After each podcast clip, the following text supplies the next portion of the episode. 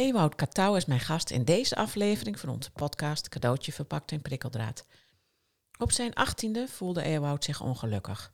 Hij had moeite met de transitie van kind naar volwassene. Hij zocht contact met zijn huisarts en kreeg medicatie in plaats van gesprekken. Hij werd na het nemen van een antidepressivum heel erg depressief. Zijn depressiviteit werd echter niet als bijwerking, maar als ziektebeeld behandeld en er volgde een martelgang van 23 jaar langs vele behandelaars en instituten. Hij krijgt 22 verschillende DSM-labels en ruim 40 verschillende psychiatrische medicijnen voorgeschreven. Niets hielp. Hij werd er alleen maar slechter van. Hij nam uiteindelijk zelf de regie en bouwde alle medicatie af. Ewoud schreef het boek Wie is er nou eigenlijk gek? De cliënt, de psychiatrie of de maatschappij? Over zijn lange weg in de psychiatrie en hoe hij hier uiteindelijk zelf weer uitkwam. In de podcast praten we onder andere over dat hij het liever niet over bijwerkingen heeft. Chronic brain impairment. Hoe het medicaliseren van het mens zijn, van menselijke pijn, menselijke groeiproblemen, van menselijke emoties, van menselijke worstelingen voor veel mensen desastreus is dat hij in de psychiatrie heeft ervaren dat er vooral gekeken werd naar wat zij vonden dat er mis was met hem en dat er geen ruimte was voor zijn verhaal, zijn kwaliteiten en talenten. En dat hij zijn verhaal deelt om bij te dragen aan de verandering in de psychiatrie en de dialoog daarover zoekt. Mede daarom heeft hij ook een schadeclaim ingediend tegen GGZ Friesland, welke momenteel behandeld wordt.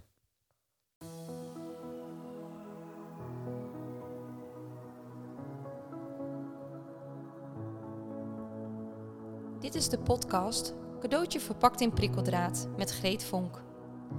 Moeilijke tijden zijn ook cadeautjes, hoe lastig ze ook zijn. Helaas zitten ze wel verpakt in prikkeldraad. In deze podcast willen we je inspireren en kennis aanreiken, waardoor je een andere kijk krijgt op de ellende van jezelf of van iemand anders. Met als uiteindelijk doel om een completere versie van jouzelf te worden en of om dat proces bij de ander te ondersteunen.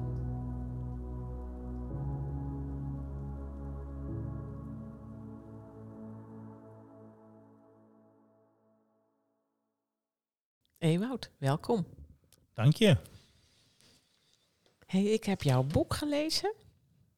En um, dat was wel een bijzondere ervaring voor mij. Want ik heb, nou ja, in mijn werk maak ik heel veel ellende mee. En daar kan ik ook heel goed mee omgaan.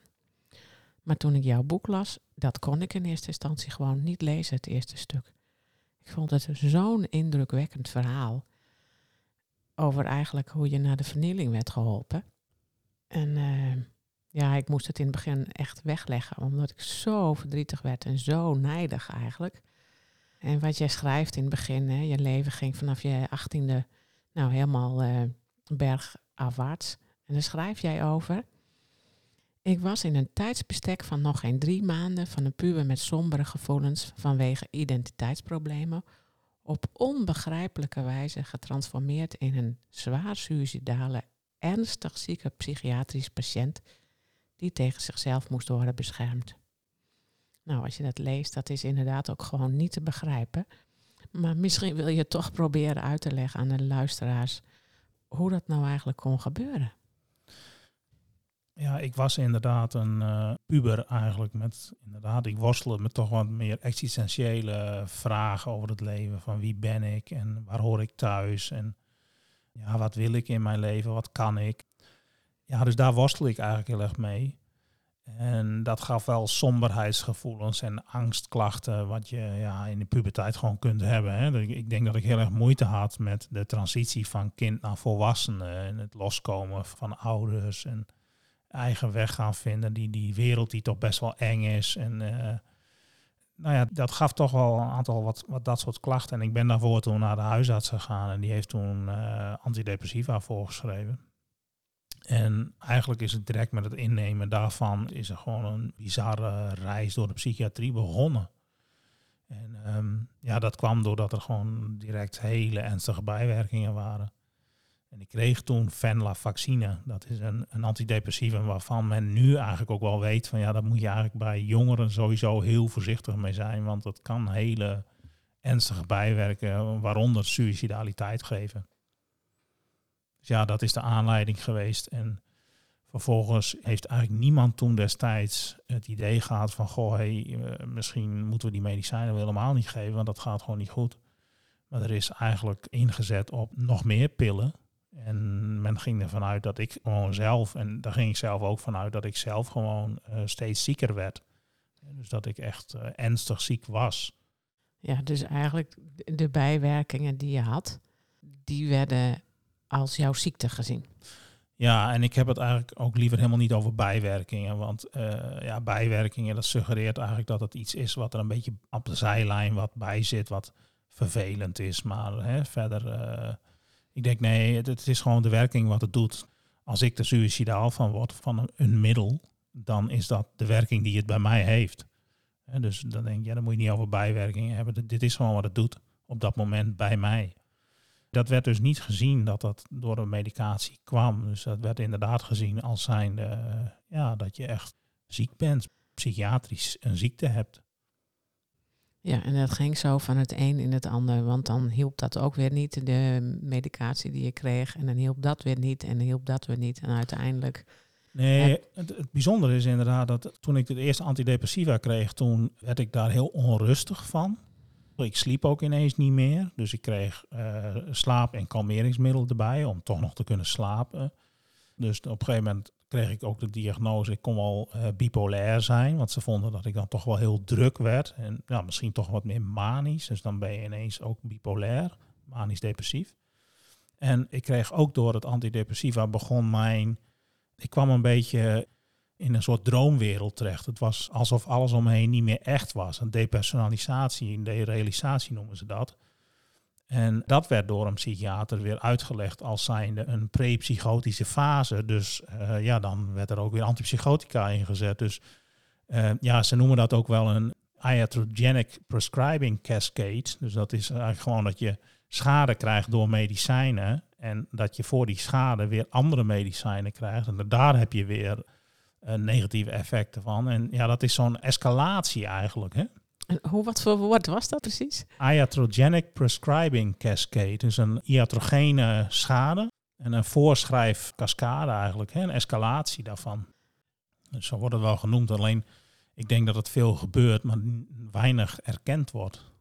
Ja, en bij jou is dat wel uh, heel heftig. Want uiteindelijk heb je 22 verschillende diagnoses gehad. Ja, DSM-labels, categorisaties, ja. En meer dan 40 verschillende psychiatrische medicatie. Ja. ja, en het bizarre is, op een gegeven moment ben ik mijn hele dossier gaan uitspitten. En, en wou ik ook wel een boek gaan schrijven. En ik denk, nou ja, dan is het wel handig om eens te kijken van wat voor labels of diagnoses heb ik dan allemaal gekregen. Ja, en ik had ook zoiets, ik wil ook eigenlijk wel weten wat heb ik dan allemaal geslikt al die jaren. Dus toen heb ik het hele dossier uitgespit samen met iemand anders.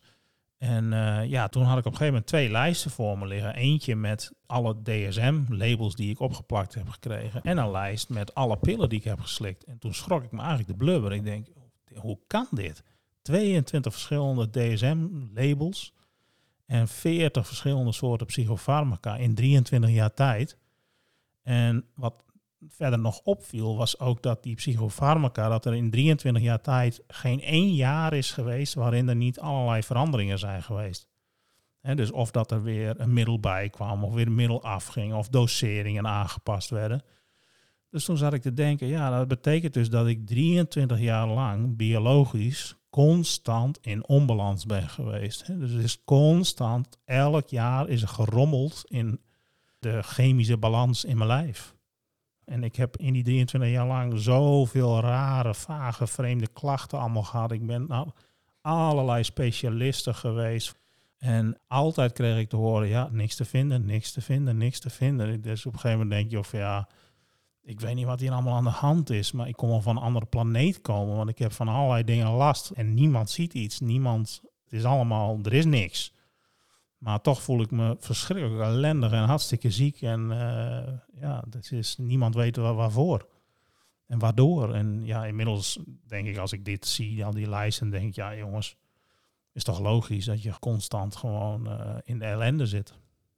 Een van de meest heftige dingen die je ook schrijft, waar ik ook echt van onder de indruk was, van dat je hart er op een gegeven moment Ja. Zo goed als mee uit, eh, nou ja, hoe zeg je dat? Je hart hield ermee op.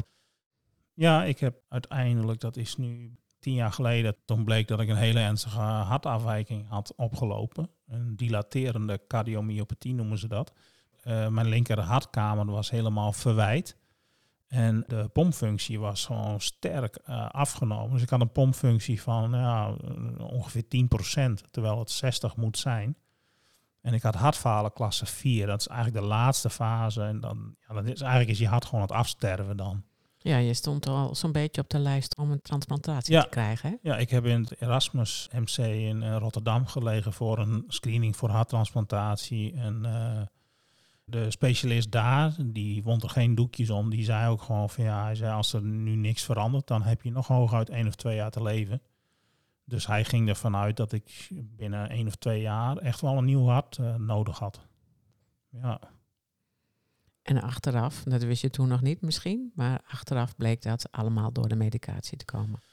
ja, kausaal kun je dat niet bewijzen. Want er zijn natuurlijk geen studies waarin mensen op grote schaal eh, twintig jaar lang bakken vol met pillen krijgen om te zien wat het op een orgaan doet. Hè?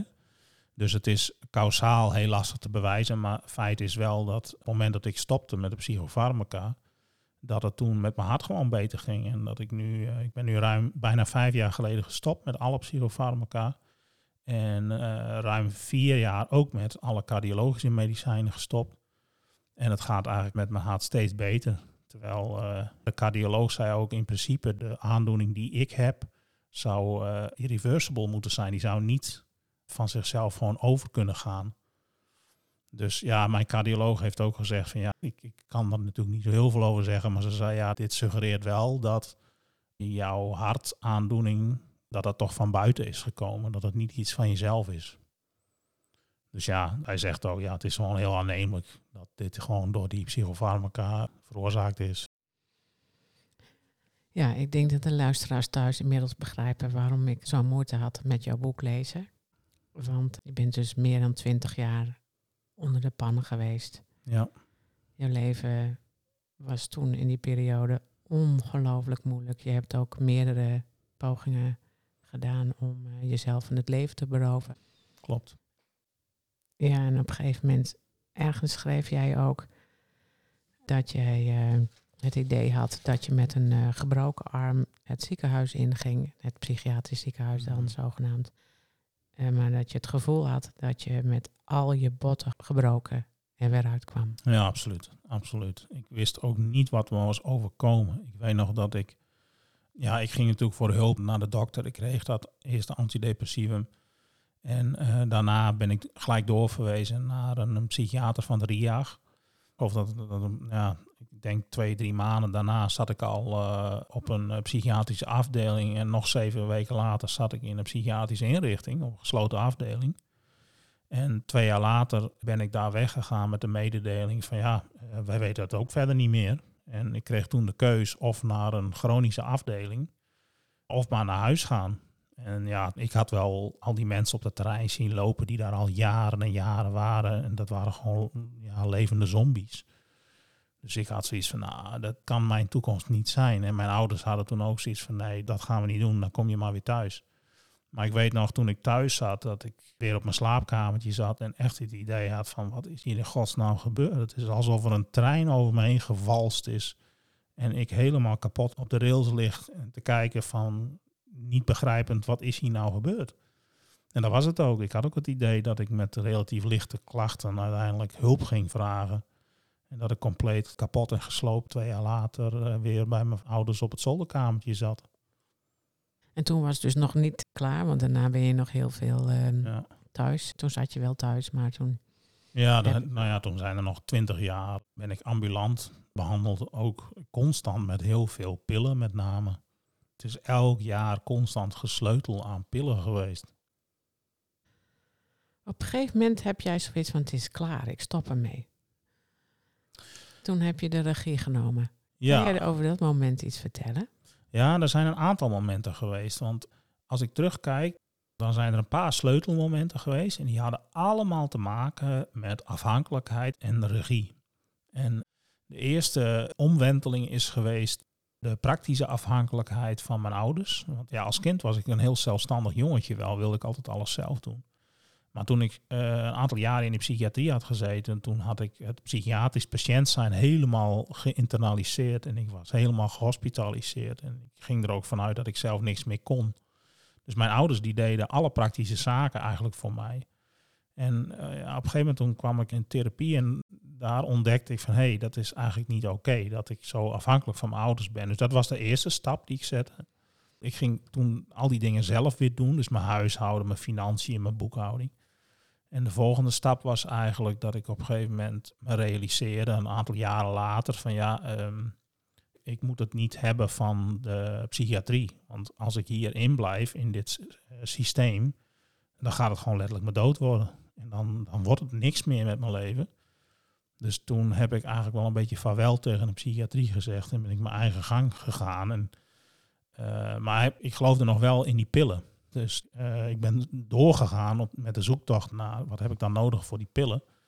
Totdat ik uiteindelijk de opleiding tot ervaringsdeskundige deed in, aan de Hanze in Groningen. En ik stage liep in een forensische kliniek. En um, uh, ik moest dan een verslag maken van het eerste jaar van mijn stage. En ik kreeg eigenlijk van de werkbegeleider op mijn werk en van de coach van school kreeg ik eigenlijk als feedback van ja, dat is een prima verslag, maar we missen wel een emotionele reflectie eigenlijk, gevoelsreflectie. En toen realiseerde ik me van ja, maar ik voel ook eigenlijk niet zoveel. Dus ik was maar heel, heel vlak en uh, ik was niet meer heel depressief en alles, maar emotioneel was ik eigenlijk uh, ja, een teflonpan. Niks drong meer door. En toen dacht ik, ja, maar dat is eigenlijk raar, want ik zit hier op een uh, forensische kliniek waar mensen hele heftige verhalen hebben en het, eigenlijk raakt het maar helemaal niet zo. Dus toen realiseerde ik me van, hé, hey, maar dat is niet wie ik ben. Want als kind was ik juist best wel heel gevoelig en kon ik ontroerd raken door kleine dingen. En ik heb eigenlijk helemaal geen contact meer met mijn gevoelsleven. Dat is helemaal weg. Ik ben eigenlijk een, een lege huls, een robot. Dus toen realiseerde ik mij van ja, er zit nog een heel groot stuk afhankelijkheid. En dat zijn die pillen. Dus uh, dat is nu bijna vijf jaar geleden dat ik toen besloot van ja, dat laatste stuk afhankelijkheid moet er nog af.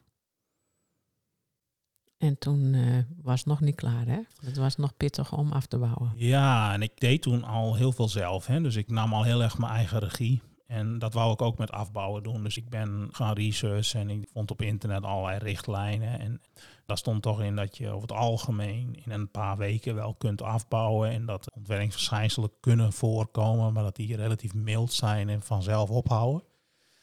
Dus ik denk, nou ja, ik, wist van mezelf wel dat ik uh, pittig reageer op medicatie en op wisselingen. Dus ik denk, nou laat ik wel wat meer de tijd nemen. Dus ik heb daar drie maanden de tijd voor genomen. En ik dacht, ja, goed, ik, ik ging ervan uit dat ik heel ziek ging worden van het afkicken. En, uh, maar ik dacht, dat gaat dan misschien een paar maanden duren. Maar ik denk, nou ja, dan tanden op elkaar en uh, even flink doorzetten. En dan kom ik daar wel doorheen. En dan met een paar maanden. En dan kan ik misschien nog een tijdje wat restverschijnselen houden. Maar nou, met een half jaar dan moet ik er wel zijn. En dan uh, nou, kan ik verder met mijn leven. Maar nee, dat bleek een enorme inschattingsfout. Want ik kwam echt in een ondraaglijke hel van ja, afkikproces gewoon. Ja, daar heb ik maar raar op gekeken wat dat betreft. En hoe gaat het nu?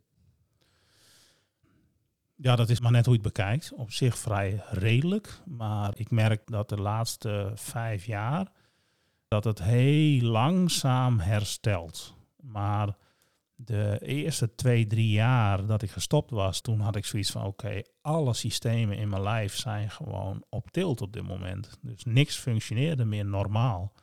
Ik had zo'n scala aan hele invaliderende klachten van het stoppen met die psychofarmaca. En uh, ik kwam er toen ook achter dat dat helemaal niet zo vreemd is. En dat er heel veel mensen zijn uh, die in sommige gevallen echt jarenlang doodziek zijn van stoppen daarmee. En uh, ik merk nu, ik heb nog steeds veel klachten. Het gaat wel langzaam beter. Het kruipt vooruit het herstel. Maar eh, ja, ik ga er inmiddels vanuit dat ik zeker nog wel een, een drie, vier, vijf jaar nodig zal hebben om helemaal te herstellen hiervan. Als dat überhaupt al mogelijk is hoor, want dat vraag ik me wel eens af. Ja, want je schrijft in je boek ook iets over, een term is daarvoor, chronic brain impairment. Ja, dat is een, een term van uh, Peter Bragan, een Amerikaanse psychiater. Die man is al in de negentig. Maar die waarschuwt al vanaf het allerbegin voor de nadelige effecten van psychofarmaca, zeker al bij langdurig gebruik. En hij zegt ook van ja, eigenlijk wat die medicatie doen is gewoon schade aan je hersenen aanrichten. En ehm, hij noemt het chronic brain impairments. En dan zegt hij eigenlijk van ja, je vermogens in je brein die nemen door de loop der tijd langzaam af. En hij zegt het bijzondere is dat heel veel mensen het vaak ook niet doorhebben dat ze allerlei functies langzaam aan het kwijtraken zijn. En dat herken ik heel erg, want dat is ook de laatste paar jaar merk ik ook soms dat ik dingen terugkrijg waarvan ik niet eens wist dat het weg was. Dus dat, zijn bijvoorbeeld dingen als creativiteit, spiritualiteit, uh, in contact komen met je gevoel, uh, helder kunnen denken. Hè. Dat is voor mij nog steeds een groot probleem. Om, ik ben nog vaak heel vaag in mijn hoofd, heel wazig. Soms heb ik momenten dat het even helder is en denk oh wauw.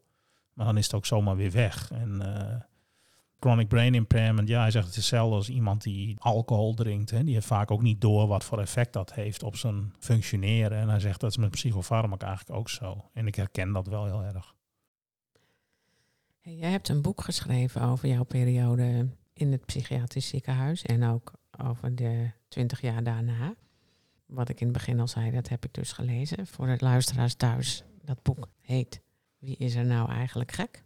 Met als de ondertitel De cliënt, de psychiatrie of de maatschappij. Ja. Jij hebt dit boek geschreven met een idee van, ja, ik moet zorgen dat dit verhaal naar buiten komt, want ik ben niet de enige.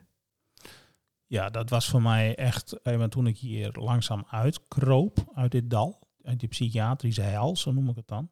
Ik ging veel lezen, ook op forums. En toen realiseerde ik me wel van ja, maar mijn verhaal is geen uitzondering. Ik ben geen uitzondering.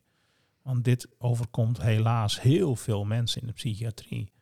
En uh, het gekke is dat ik denk van de psychiatrie wil daar zelf maar niet goed naar luisteren.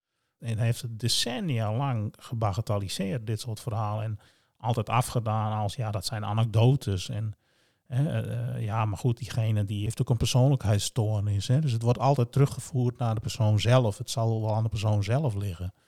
Ik denk, nee jongens, dit ligt niet aan de persoon. Dit is wat psychiatrie voor sommige mensen doet. Voor sommige mensen, daar moet je eerlijk in zijn, sommige mensen hebben het baat bij wat er in de psychiatrie gebeurt.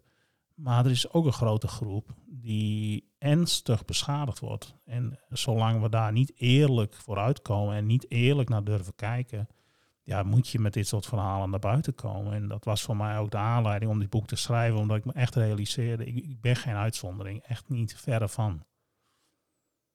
Je hebt in het boek ook verschillende professionals uh, gesproken, die hebben ook naar jouw dossier gekeken. Dan is er bijvoorbeeld een conclusie als mensen gewoon naar jouw verhaal geluisterd hadden, dan had het helemaal niet zo hoeven lopen. Hè? Nee, klopt. Dat is eigenlijk een hele heftige conclusie. Ja, voor het boek heb ik een. Ik heb sowieso heb ik allemaal verschillende oud-behandelaars die mij ook echt hebben behandeld destijds. Uh, grotendeels psychiaters heb ik geïnterviewd. Maar ik heb ook een aantal vooraanstaande deskundigen uh, geïnterviewd. Waaronder uh, Paul Verhagen en Jim van Os en Dick Bijl, Trudy de Hu. En uh, ja, die mensen waren allemaal vrij duidelijk. En ook zeiden van ja, dit lag niet aan jou, Ewout. Dit is wel wat het systeem heeft gedaan. En uh, helaas ben je inderdaad niet een uitzondering daarin. En dat heeft toch te maken met vanuit een bepaald model naar de mens kijken. Dus niet het verhaal voorop stellen van goh, wat is je nou? Wie ben jij en hoe steek je in elkaar en waar zit je nou mee? Maar Nee, gewoon toch symptomen zien en die binnen bepaalde kaders plaatsen. En vanuit die kaders protocollen en richtlijnen erop loslaten. Dus het is eigenlijk echt het medicaliseren van het mens zijn, van menselijke pijn, van menselijke groeiproblemen, van menselijke emoties, van menselijke worstelingen in het leven. Die medicaliseren, ja, dat is voor sommige mensen echt desastreus. Daar was jij er een van. Ja, ja. Je hebt een claim uh, liggen hè, bij GGZ. Wil jij daar iets over vertellen?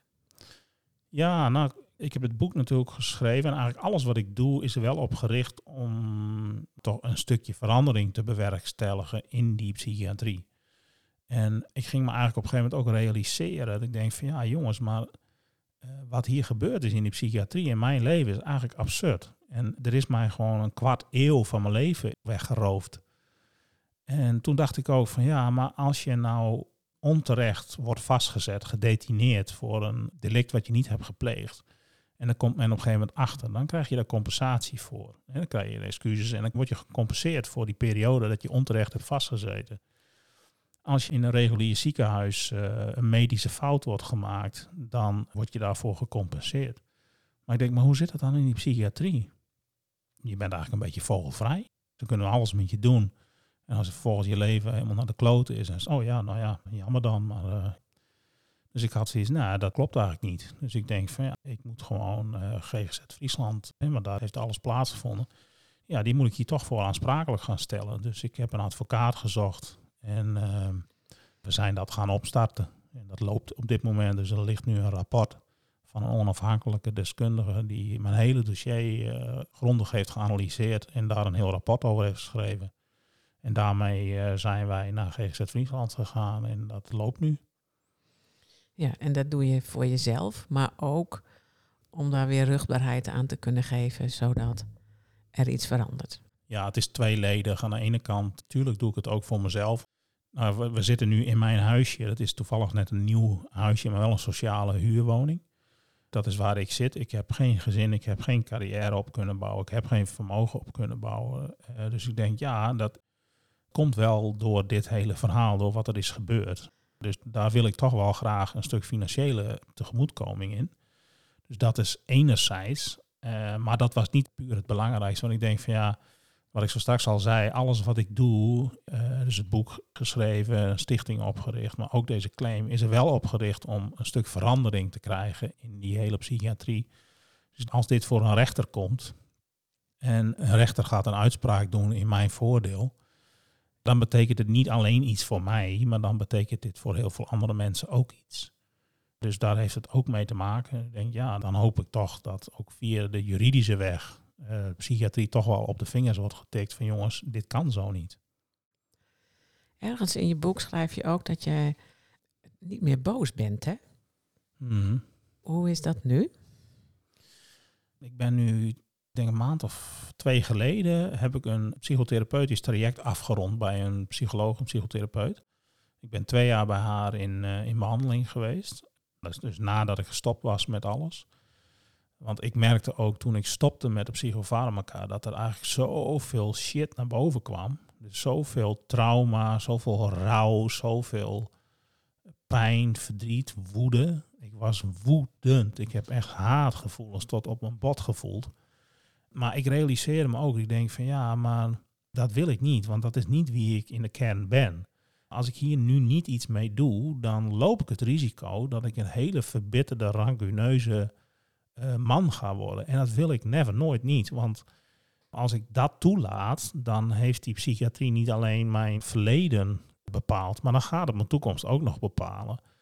En dat wil ik never nooit. Want ik wil naar de warmte, ik wil naar het licht, ik wil naar de liefde en ik wil niet naar de duisternis en ik wil niet naar de bitterheid en de rancune en de boosheid.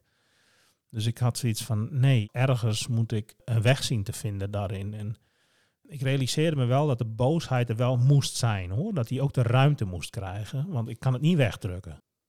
als je het wegdrukt, dan gaat het zweren, gaat het rotten en dan komt het als een boemerang weer terug.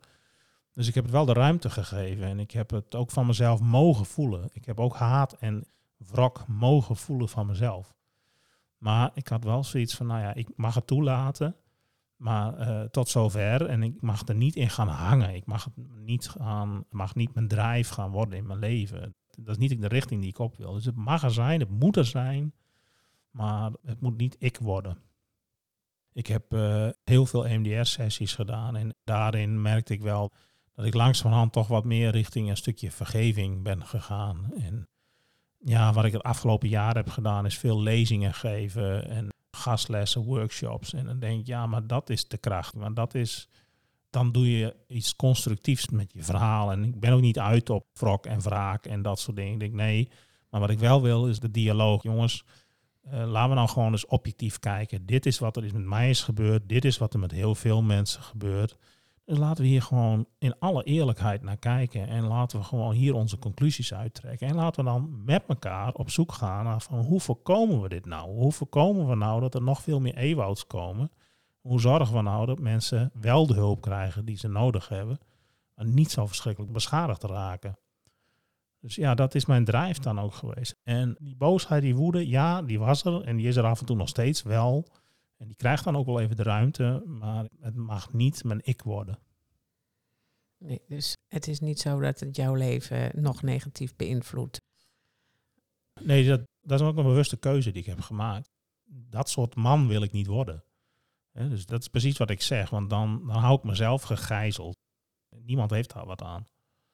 Dus dan gaat mijn verleden in de psychiatrie mijn toekomst bepalen. En dat doet het natuurlijk sowieso hoor. Maar ik wil niet dat het me op die manier bepalend gaat zijn.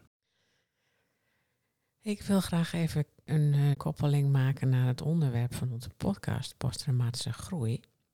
Ik las iets in jouw boek, wat daar nogal veel mee te maken heeft. Ik lees even een klein stukje voor.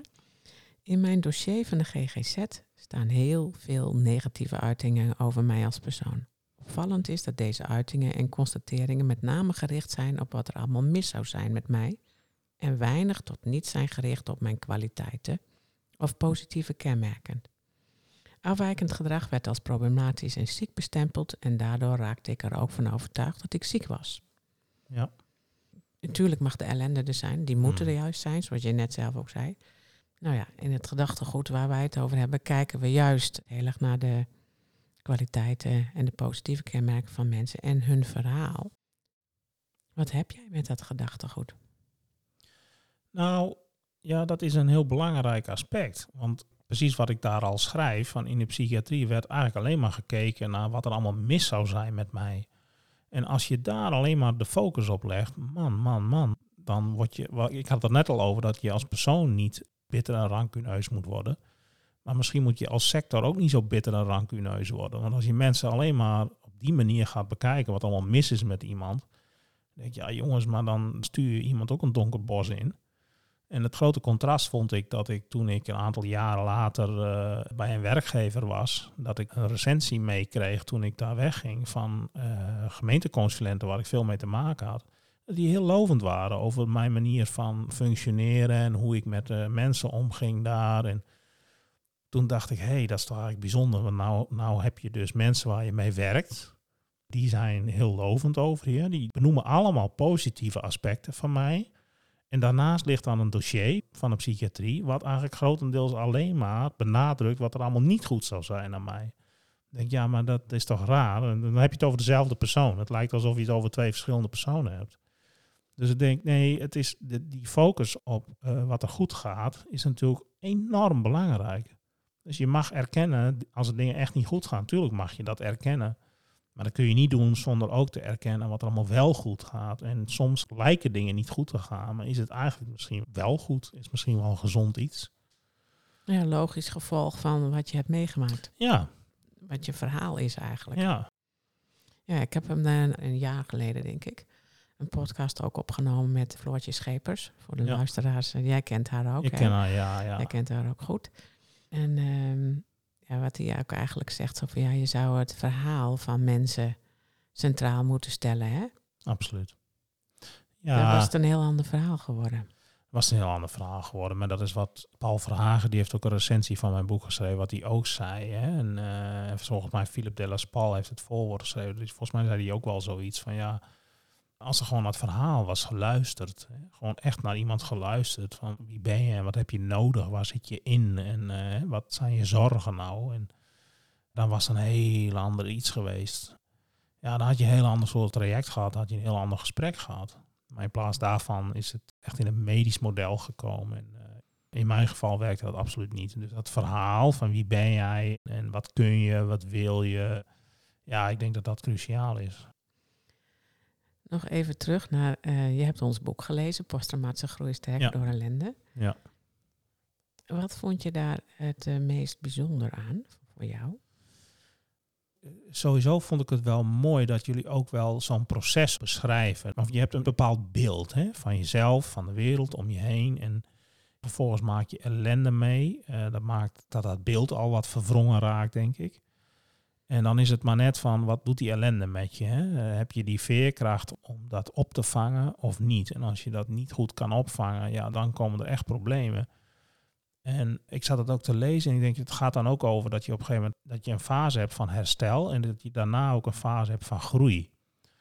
En ik zat mezelf daarin te plaatsen. En toen dacht ik van ja, als ik naar mezelf kijk, dan denk ik, nou, voor een deel is er wel al een stukje groei geweest. Maar voor een groot deel zit ik ook nog in dat stuk herstel.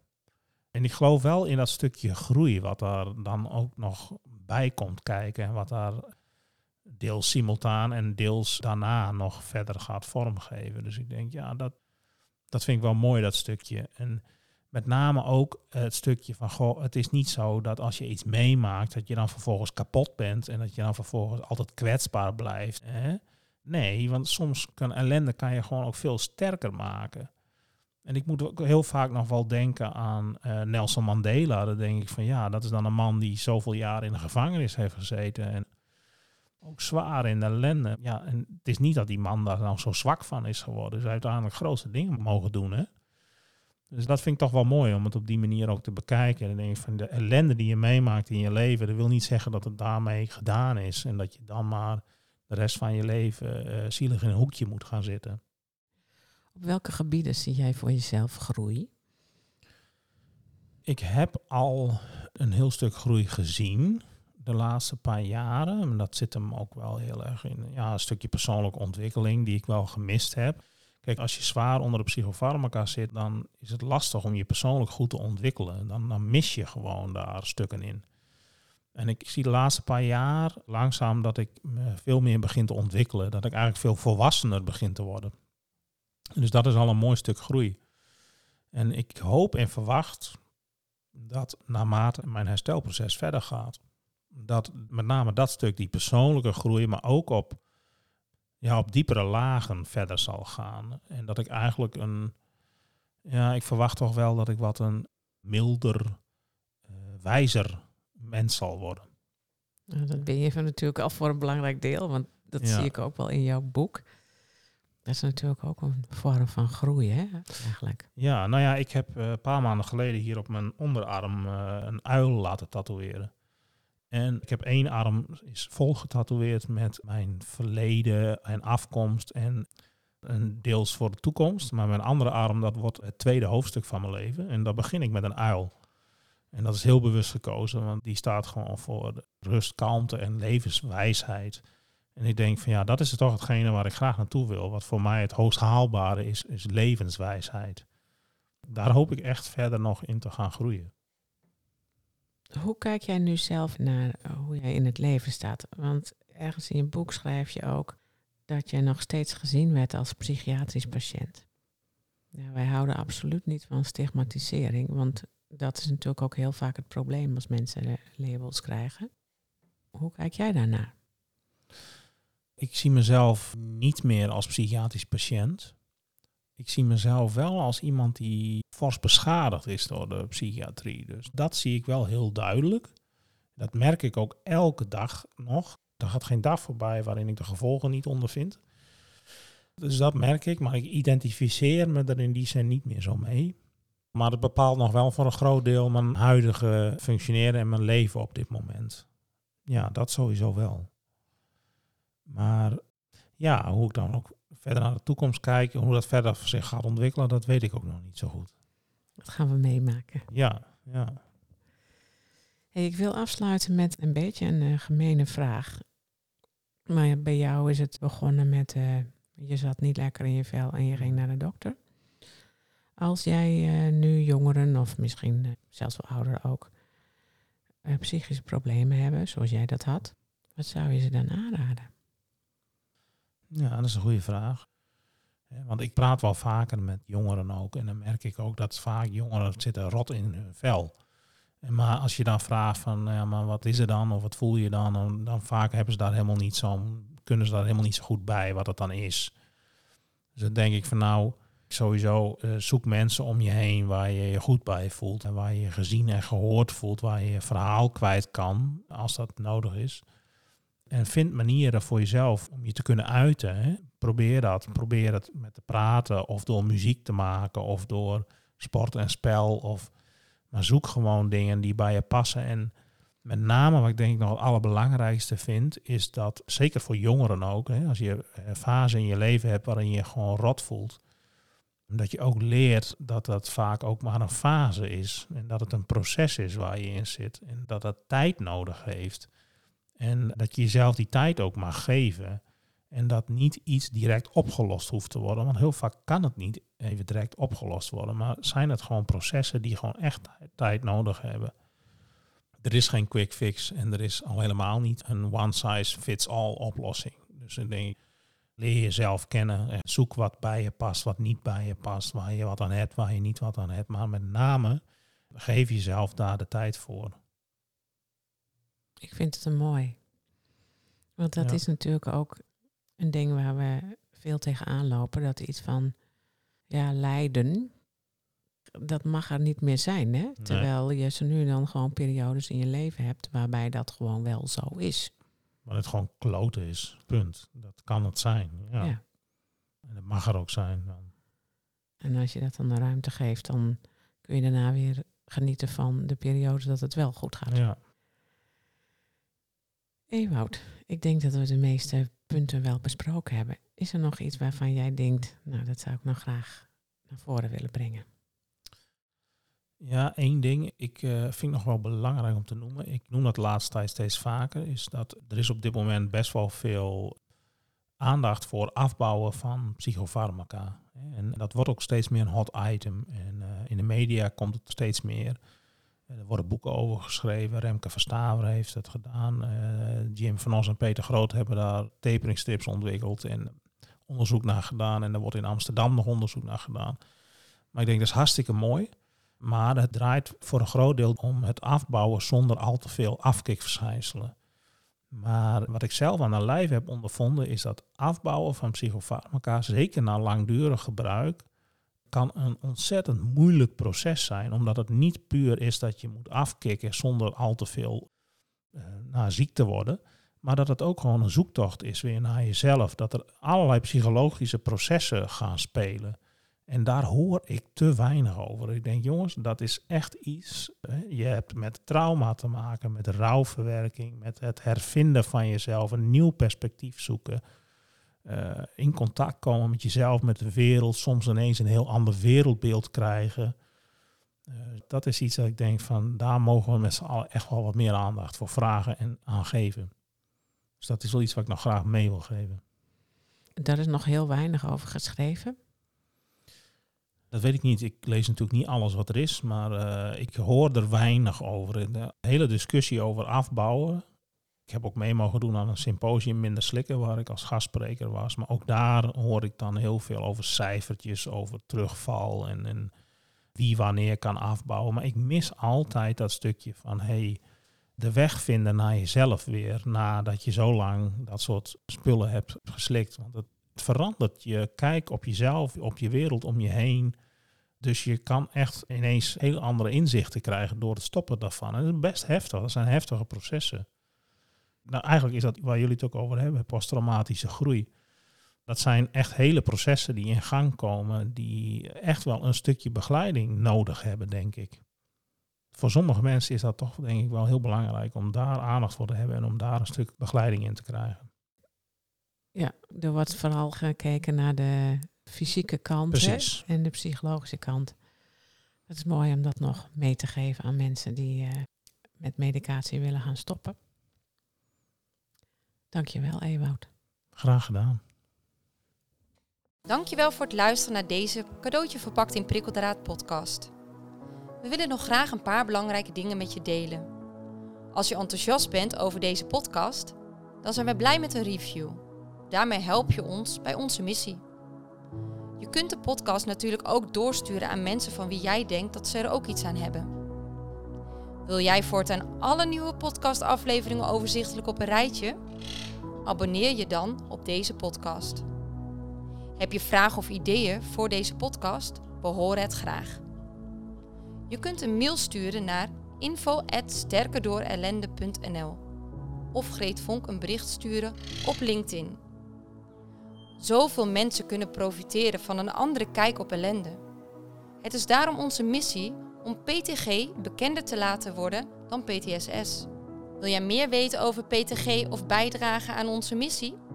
Je kunt op onze website www.sterkerdoorellende.nl onze boeken bekijken en eventueel kopen, de e-learning bekijken, een gratis inspiratiesessie volgen, de PTG-vragenlijst invullen, workshops en opleidingen boeken.